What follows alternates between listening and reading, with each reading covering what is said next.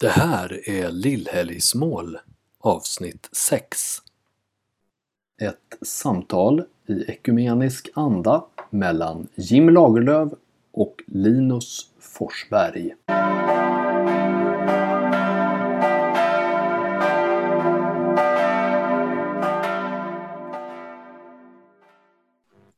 Då säger vi hjärtinnerligt välkomna till eh, nummer 6 av eh, Lillhelgsmål. Det är onsdag kväll och eh, lill-lördag och vi ska titta framåt mot söndagens evangelietext. God kväll. God kväll! Hur är läget? Ja, men det är bra. Det är ja, men mycket som händer, men jag är, jag är pigg och alert och har ungdomen kvar så att jag orkar med. Det är bra. Visst, ja. Nej, men det är bra. Du har ungdomen kvar, ja. ja men det, det, det har verkligen inte jag. Det var någon som sa det att eh, coronaåret eller så har gjort folk tio år äldre. Och lite grann, det, nu har jag också varit pappaledig just det här året. Det, det, ja, så är det ju. Man, man, är, man blir trögare på ett sätt. Något som inte är trögt är ju i alla fall söndagsgudstjänster, söndagsmässor. Nej, verkligen. Evangeliet. Du är bra på det här med övergångar. Ja, när jag var yngre hade jag en tanke att eventuellt bli radiopratare. Så att Ja, okej. det är kanske den reflexen som sitter kvar. Nej, men det är rätt. Det är som du säger, Sön- söndagens mässa är alltid, på ett sätt alltid ny, fräsch och ung. Ung på nytt som örnen som det står i skriften. Ja, vi ska läsa, fortsätta i Johannes evangeliet på, på söndag, vi katoliker. Det är en rolig sak med de katolska eh, texterna. Vi läser ju samma vilken kyrka runt om på hela jorden man går in i. Mm. Så, så vårat, vårat lektionarium, eller vår, vår evangeliebok, den gäller i hela världen. Och det betyder ju att, det har jag tänkt många gånger, att undra om den här texten passar överallt. Men ja, det gör den säkert. Det, det, det är inte mitt bord oavsett, men, men så är det.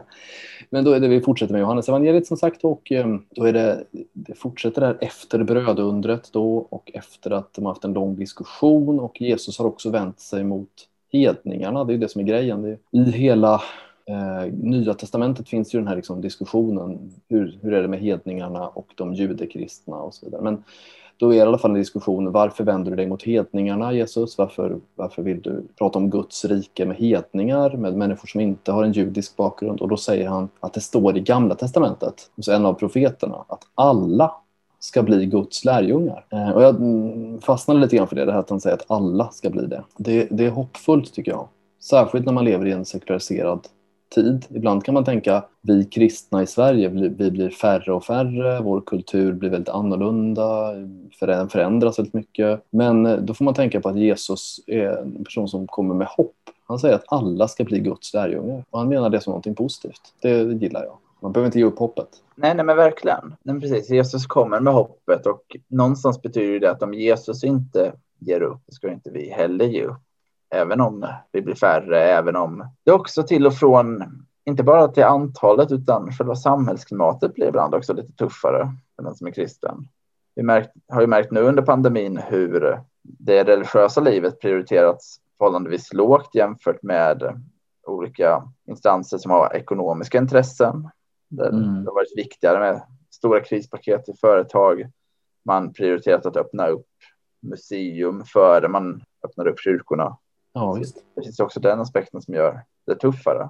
Jo, det känns som att man inte fattar hur många vi ändå är som går i gudstjänst på söndagarna i Sverige. För det är ändå ett gäng, även om det, och det på något sätt sker det i det fördolda väldigt mycket. Liksom skymundan. Alltså alla vi som går i gudstjänst, det är som att det inte händer. Det offentliga samtalet låtsas inte om oss på något sätt. Ja, det är en intressant sak. Men och då, ibland får man då tänka, precis som Paulus, han var ju en motståndare mot, mot Jesus. Han var ju till och med förföljare Mm. och han blev omvänd. Jag tycker det är otroligt positivt. Jag, tänker, och jag menar, jag själv, jag var ateist i, i tonåren, uppvuxen i ett icke-kristet hem och liksom verkligen trodde inte att Gud fanns. Det händer grejer och när Jesus säger då alla ska bli Guds lärjungar, det ligger någonting väldigt positivt i det. Det är som när Paulus är det väl vad som säger alla knän ska böjas i Jesu namn på något sätt. Alltså, Jesus kommer på något sätt att visa sig för alla människor och då har man chansen att bli lärjunge. Även om det verkar jobbigt just nu och liksom tungrott ibland i kyrkorna. Nej, men verkligen.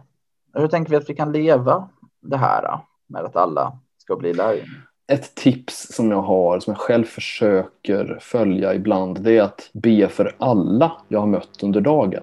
Och be faktiskt, som vi katoliker säger, be om himmelriket för dem. Mm.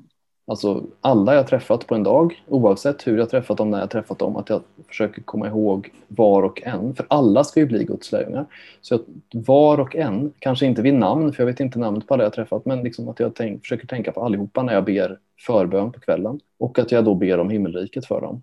Eh, jag tror att det, att det har betydelse. Ja, men jag tycker det finns något väldigt fint i det. Mm. Ja, men för någonstans indikerar det också att så här, vi ska inte vänta med att behandla folk, visa folks Guds kärlek tills de har blivit frälsta. Utan Ja, just det. vi, ska fortsätta, vi ska fortfarande be för dem, vi ska visa dem Guds kärlek också innan de blir frälsta. För att det kan kanske vara det som också i vissa fall blir nyckeln framåt. Ja, men vi får ändå tro det att bön har betydelse. Jag menar jättemånga personer sitter i kloster och ber dag ut och dag in liksom, på något sätt. Och man tänker så här, jaha, ut och arbeta istället, ut och träffa människor, ut och skrik på gator och torg om att Jesus lever. Ja, men kanske har deras bön otrolig betydelse, även om vi inte ser det. Mm. nu. Nej men verkligen. Mm. Så förbön, alltså att, att be för de man har mött under dagen. Bra tips. Mm. Mm. Okej, vad, ska, vad är det för evangelietext hos, i Svenska kyrkan nu på söndag?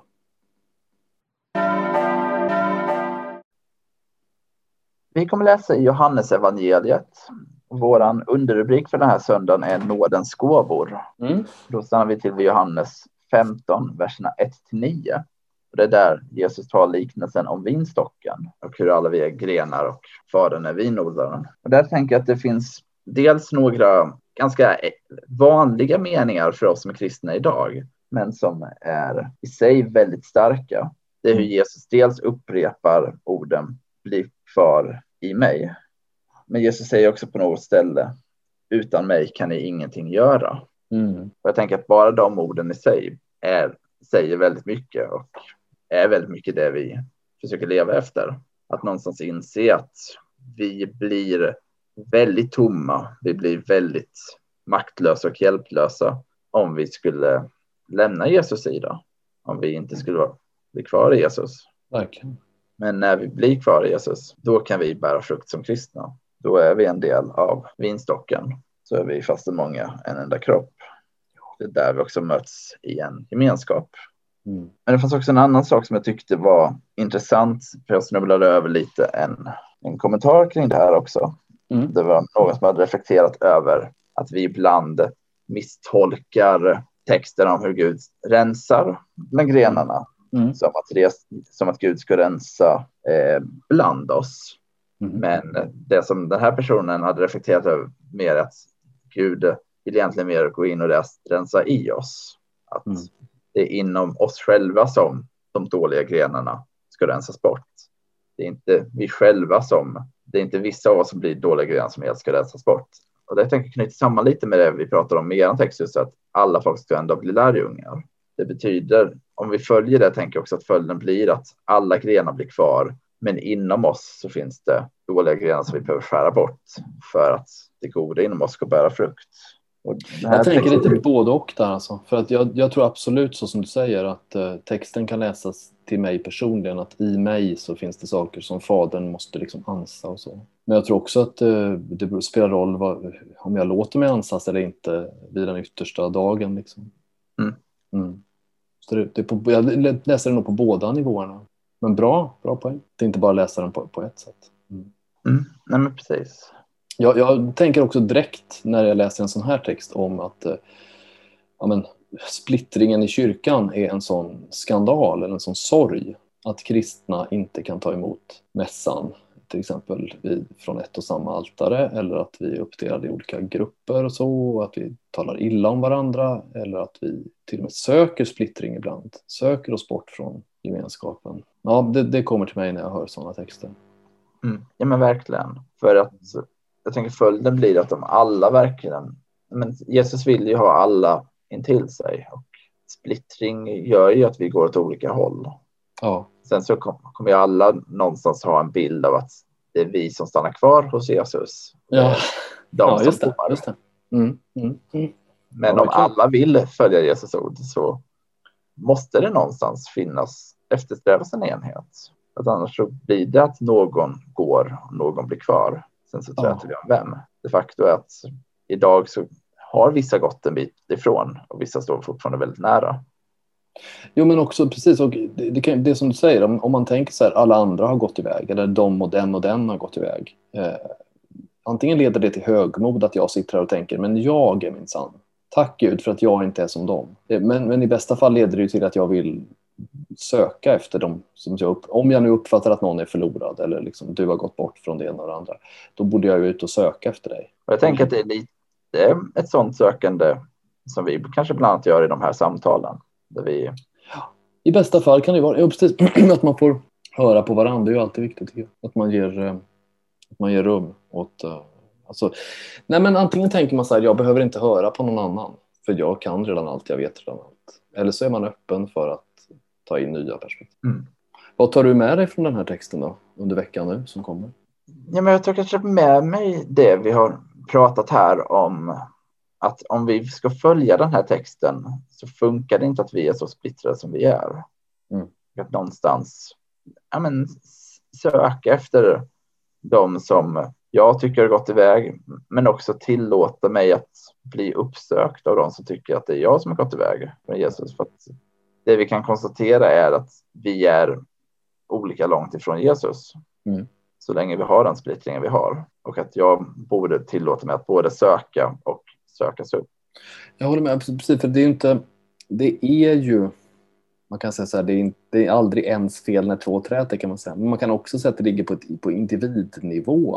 Eh, hur förhåller jag mig till... Hur, så att säga, hur nära Jesus lever jag personligen? Ja, det är väl den, den frågan som man borde ställa sig varje kväll på något sätt. Hur nära Jesus har jag levt idag? Mm. Ja, men jag håller med om det. Det kanske är Mm. det vi ska ta med oss. Ställa den frågan. Ja, precis. Så, ja, men det är ju en klassiker egentligen. När man, alltså, det, är det, det är det som jesuiterna gör, alltså, det är inte en katolsk orden. De, de gör så varje kväll att de på något sätt gör en examen för dagen. Man tänker så här, hur har jag levt den här dagen? Har jag levt evangeliet idag? Som att varje dag räknas på något sätt. Så försöker man be om förlåtelse för det som har blivit fel idag. Och det som man har gjort, och det som man har gjort bra tackar man Gud för. Alltså man tänker att varje dag, det är det här som farbror Melker säger, Mm. varje dag är ett liv. Jo, precis. Okej, eh, om ni tycker att vi missat någon aspekt eller om ni vill rätta någonting som vi har sagt så kommentera gärna i eh, kommentarsfältet. I övrigt, tack eh, för att ni har lyssnat på det här samtalet. Och tack Linus för att du har lyssnat på mig en liten stund. Stått ut. Tack detsamma Jim. Allt gott! Allt gott.